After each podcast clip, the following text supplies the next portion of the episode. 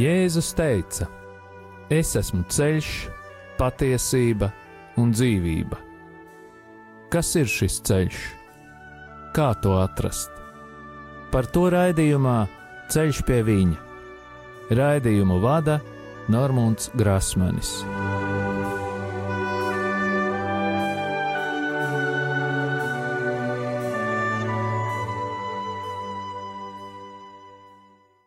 Lai ir slavēts Jēzus Kristus. Atkal ir piekdiena, un radio Marija ēterā izskan raidījums Ceļš pie viņa.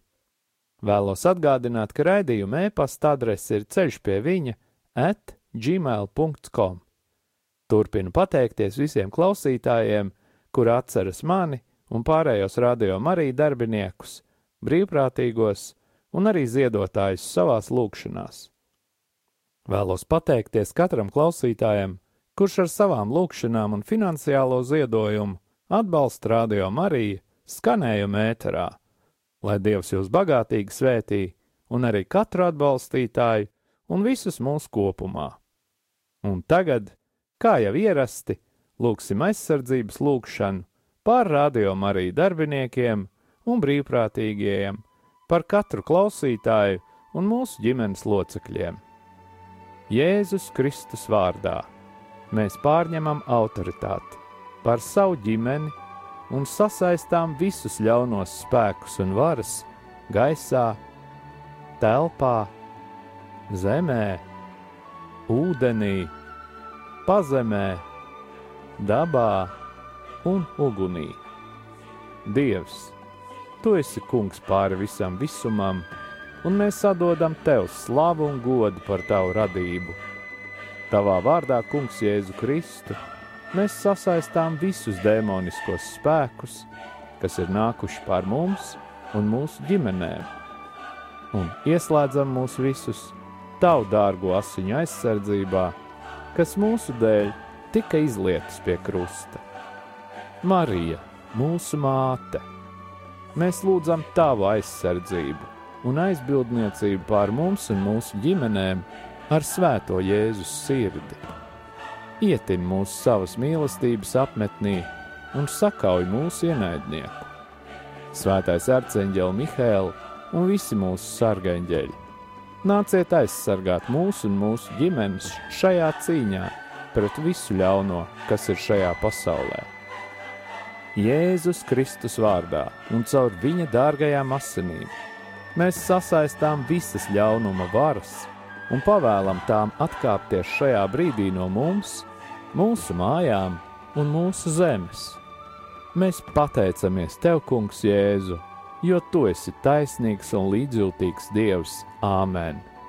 Jēzus Kristus vārdā un Viņa krusta un Viņa izlieto asiņu spēkā mēs sasaistām jebkura ļaunuma varas spēku garus un pavēlam tiem, lai tie nebloķē mūsu lūgšanas. Mēs salaužam jebkurus lāstus, burvestības, kas ir vērsti pret mums, padarot tos tukšus un bezspēcīgus. Mēs salaužam jebkuru uzdevumu, kas ir dots jebkādiem gariem, kas vērsti pret mums, un sūtām viņus pie Jēzus, lai viņš dara ar tiem, ko vien vēlas. Kungs, mēs lūdzam, lai tu svētī mūsu ienaidniekus, sūtot savu svēto garu pār tiem, lai vadītu viņus uz grēku nožēlu un atgriešanos. Mēs pārcērtam jebkādas saites un saziņu ļauno garu pasaulē, kas ietekmē mūsu un mūsu lūgšanu. Mēs lūdzam Jēzus izlieto asiņu aizsardzību pār mums un mūsu ģimenēm. Paldies, Tev, Kungs, par Tavu aizsardzību un sūti pār mums savus eņģeļus, jo īpaši svēto erceņģeli Mihēlu, lai viņš mums palīdz šajā cīņā. Mēs lūdzam tevi, vadi mūsu, mūsu lūgšanās, un izlaies pār mums ar savu svēto garu, tā spēku un žēlsirdību. Āmen! Es atvainojos, darbie radio Marija klausītāji, ka būs kaut kādi tādi blakus trokšņi, bet šobrīd notiek šai radio Marija studijā remonta darbi, tādēļ nāksies nedaudz pieciest. Šovakar turpināsim runāt par hipnozi. Iepriekšējā raidījumā mēs runājam par mehānismiem, kā cilvēks tiek ievests hipnotiskajā miegā, un nonācām pie slēdziena, ka cilvēka griba šajā procesā tiek kaut kādā mērā pakļauta. Varam tikai nojaust, kādas garīgas sekas atstāja šādas hipnotizētāja manipulācijas ar cilvēku prātu un garu. Turpinot par hipnozi, tā tad hipnoterapija vai hipnoze, vai tai ir terapeitiska vērtība? Lai gan brīvās gribas un realitātes testēšana ir ierobežota laikā, hipnoterapijā eksistē pieņēmums, ka hipnozē iegūtās suģestijas iedarbība uz pacientu atstāja konkrētu ietekmi arī pēc tam, kad hipnozes seanss būs beidzies. Var šķist, ka kāds cilvēks, piemēram, ir atmetis smēķēšanu vai pārtraucis graust nagus hipnozes negatīvās suģestijas pret šiem ieradumiem rezultātā. Taču pieredze rāda, ka šāda veida atbrīvošana no kaitīgajiem ieradumiem ir īslaicīga. Vismaz nav zinām nekādi pārliecinoši zinātniski pētījumi, kas liecinātu par kaitīgo ieradumu atmešanu, jeb dziedināšanu no tiem uz ilgu laika periodu.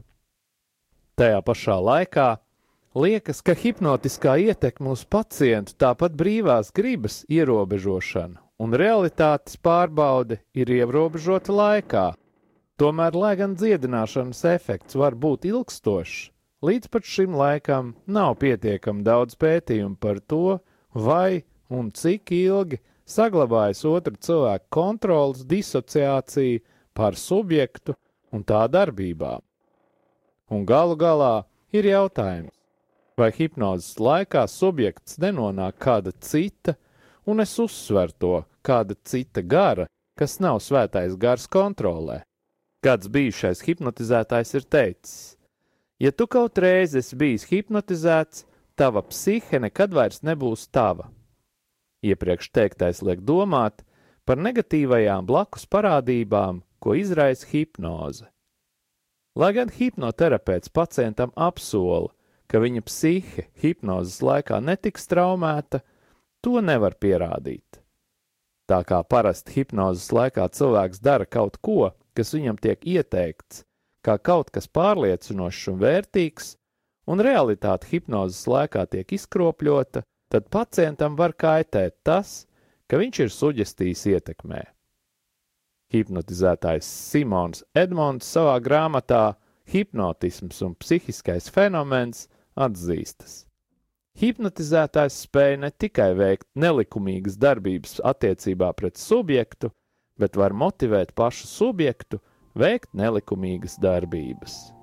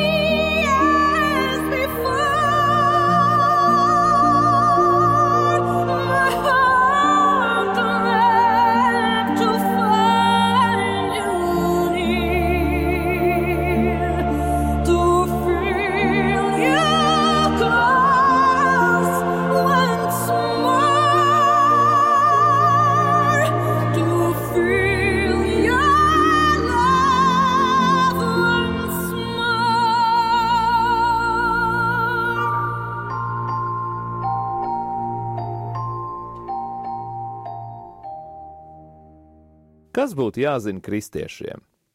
Pat ja mēs ņemtu vērā tikai to, par ko iepriekš runājām, kļūtu skaidrs, ka hipnozes rezultātā vismaz daļēji tiek traumēta personas brīvā griba. Hipnozes laikā ar nodomu tiek ierobežot brīvās izvēles izpausme. Gribas ietekmēšana tiek panākta tik uzmanīgi un smalki, ka tiek aizmiglots pacienta skatiens uz realitāti, un tas tiek vadīts uz konkrētas darbības veikšanu, ko pacients nedarītu, ja neatrastos hipnotiskajā transā. Cilvēkā griba ir dievišķa rakstura iezīme, kas cilvēku padara par dieva attēlu. Dievs mums ir devis spēju pieņemt lēmumus, viņš mums ir devis brīvo gribu. Dievs mums dāvājis arī prātu un spēju pateikt nē, lai mēs akli nedarītu visu, balstīdamies uz kāda cilvēka suģestējošo ietekmi, vai pat uz mūsu iekšējo motivāciju, kas varētu mūsos modināt nevēlamus priekšstatus. Lai gan mēs varam būt ietekmētā vai pārņemta ar hipnozes suģestīvu stāvoklī, tomēr mēs nespējam distancēties no nepareizas vai grēcīgas rīcības. Mēs katrs, atrodoties normālā stāvoklī, esam spējīgi izvēlēties starp pareizu un nepareizu rīcību. Taču hipnozes laikā vai tās iespējā tas var nebūt iespējams pat tad, kad esam no hipnozes atgūšies.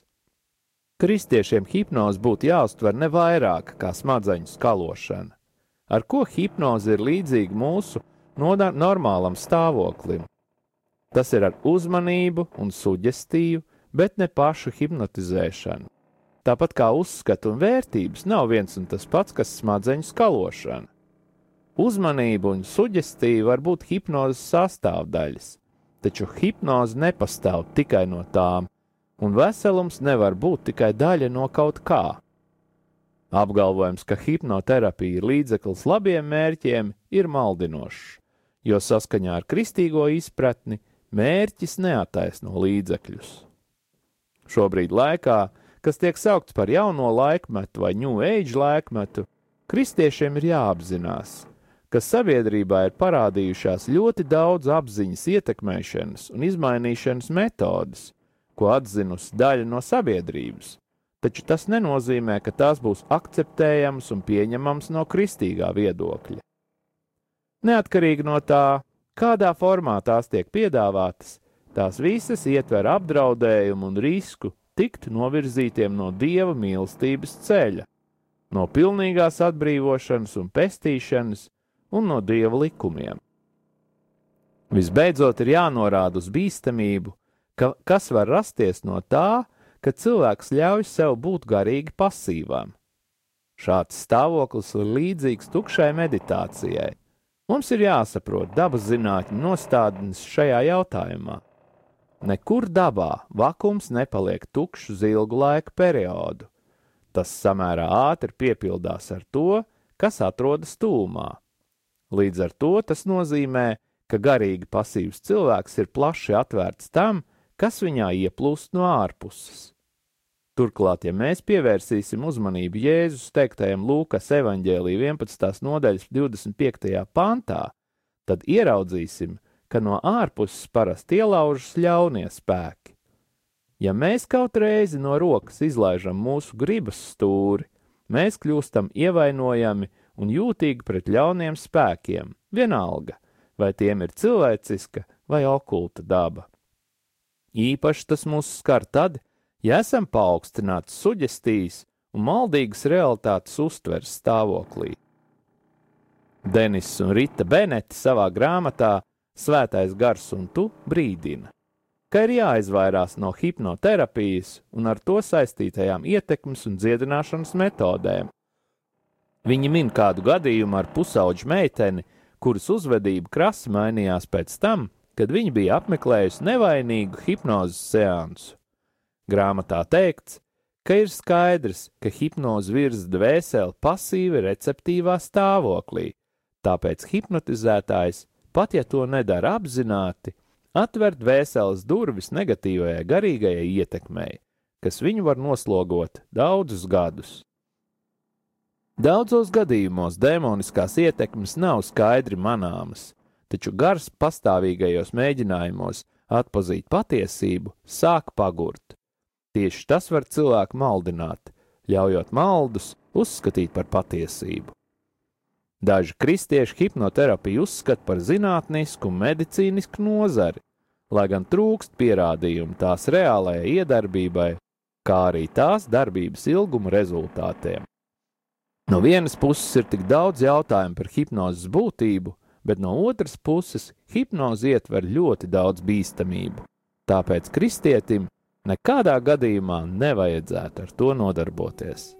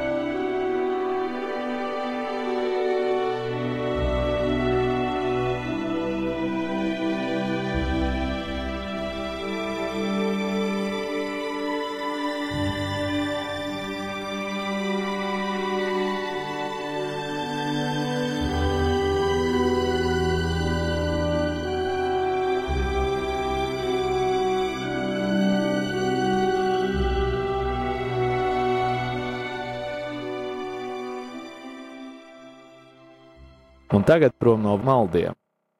Un šodien mēs atkal ielūkosimies Tomislava Ivančiča grāmatā Tikšanās ar dzīvobu dievu. Tātad grēks ir vaina, kuru cilvēki nevar vienkārši ignorēt, jo tas rada bailes. Bailes no dieva un bailes no cilvēkiem. Vaina pieprasa izpirkumu, jeb atmaksu, vai arī piedošanu no ievainotā. Tātad no vainas iespējams atbrīvoties tikai divos veidos Dažās reliģijās izpirkums notiek caur briesmīgiem upuriem, piemēram, upurējot cilvēkus. Arī no tā mēs varam redzēt, cik dziļi cilvēkā iegulst vaina un cik neizsekāmi svarīgi ir no tās atbrīvoties. Taču, ja apvainota tāda absolūta būtne kā dievs, šo apvainojumu nav iespējams izpirkt ar cilvēcisku upuri. Tāpēc cilvēks gaidīt gaida kādu, Kurš būtu tik liels kā Dievs un atpestītu cilvēkus no viņu vainas? Grēks ir apvainojums Dievam, naids pret Dievu, attiecību saraušana ar viņu, kas cilvēku padara par nabagu un apdraud viņa dzīvību. Tāpēc, ka cilvēka dzīvības un laimes avots atrodams vienīgi Dievā. Ārpus Dieva ir tikai miršana un nāve. Attālināšanās no Dieva vai apzināta šķiršanās no viņa nozīmē miršanu. Jā, patelli. No kā mēs secinām, ka ne jau dievs kādu cilvēku raida uz elli, bet gan cilvēks pats sevi. Dievs cilvēkam vēl tikai labu. Cilvēks var grēkot tāpēc, ka viņam ir brīvā grība. Viņš var, un viņam vajadzētu brīvi izvēlēties dievu, taču viņš var izvēlēties arī dievekļus, jeb elkus uz ko arī ļaunais cilvēku neatlaidīgi mēģina pavedināt. Nākošajā punktā par grēku Tomislavs Ivančičs runā. Tieši tāpēc grēks ir arī personificēts ļaunums, pats vēlns, cik tālu viņš cilvēku pavedina un pierunā grēkot. Pašā sākumā viņš sacēlās pret dievu, jo gribēja būt dievs. Viņš ir nesamierināms dieva pretinieks un tāpēc ļauns pats par sevi. Svētie raksti viņu sauc vienkārši par ļauno, un viņš ir tik tālu no dieva, cik vien iespējams. Ir arī citi apzīmējumi ļaunajam - Valns, Sātans, Lucifers, Mēlis, cilvēku slepkava, ļaunais gars, Belcebuls, nešķīstais gars, dēmons, ļaunā vara, pavedinātājs šīs pasaules valdnieks.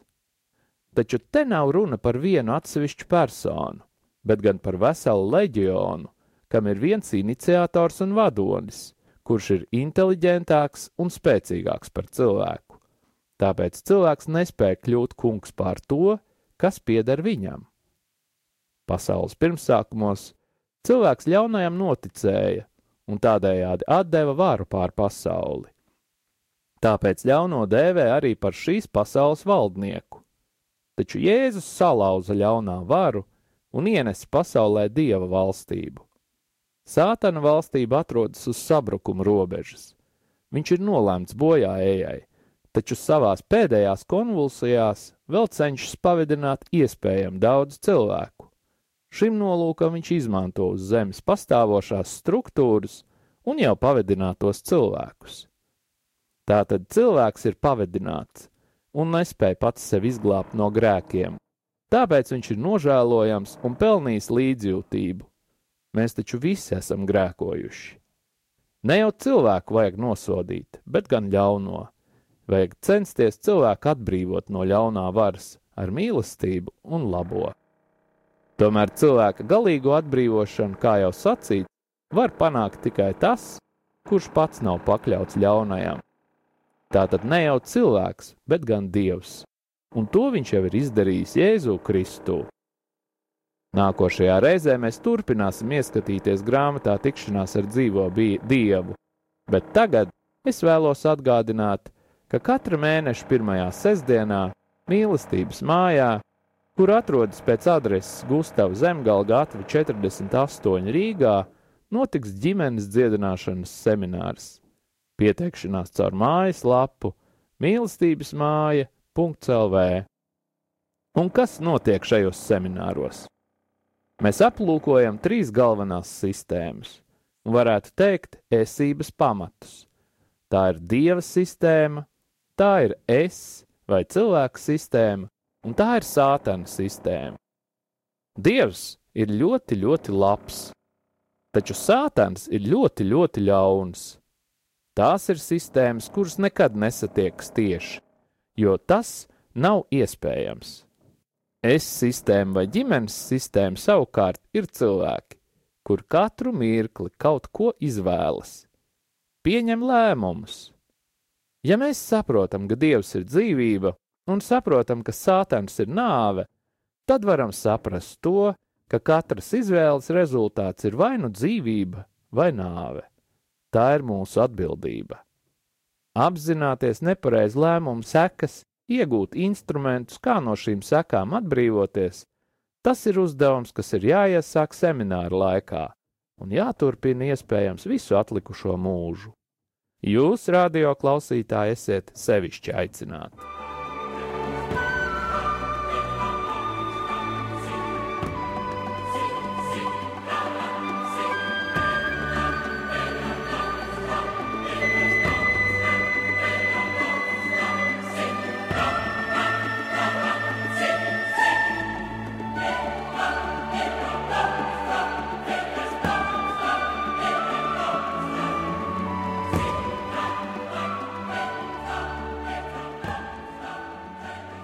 Tagad mēs iestājamies lūgšanā pret sātana sistēmu un tās darbībām mūsu ģimenēs.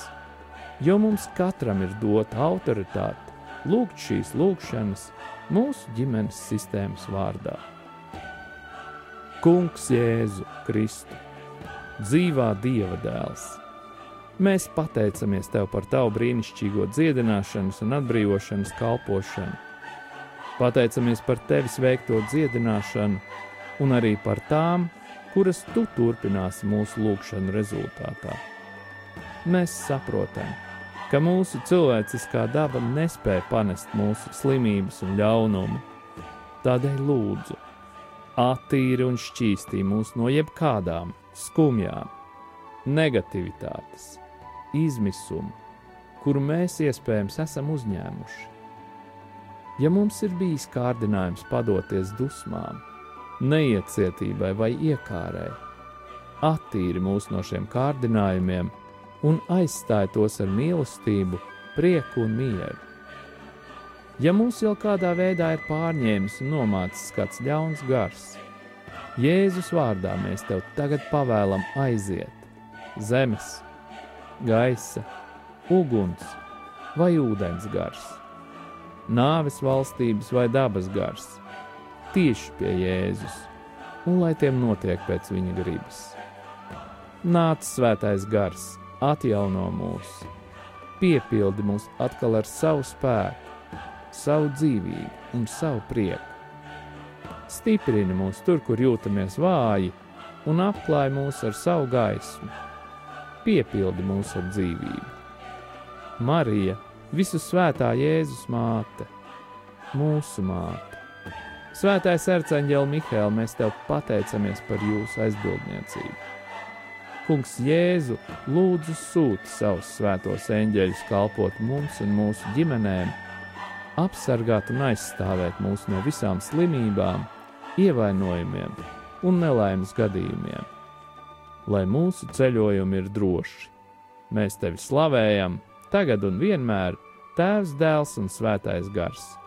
To visu mēs lūdzam Jēzus svētajā vārdā, lai tas tiek godināts Āmen. Un tagad saņemiet pāvesta Franciska svētību.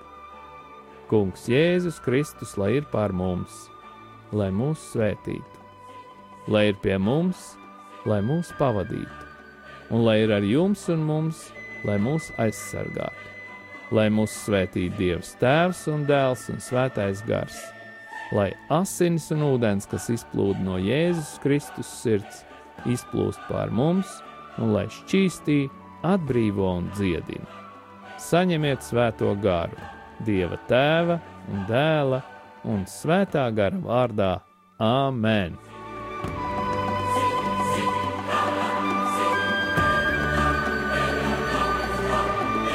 Jūs klausījāties raidījumu Ceļš pie viņa uz tikšanos piekdienu!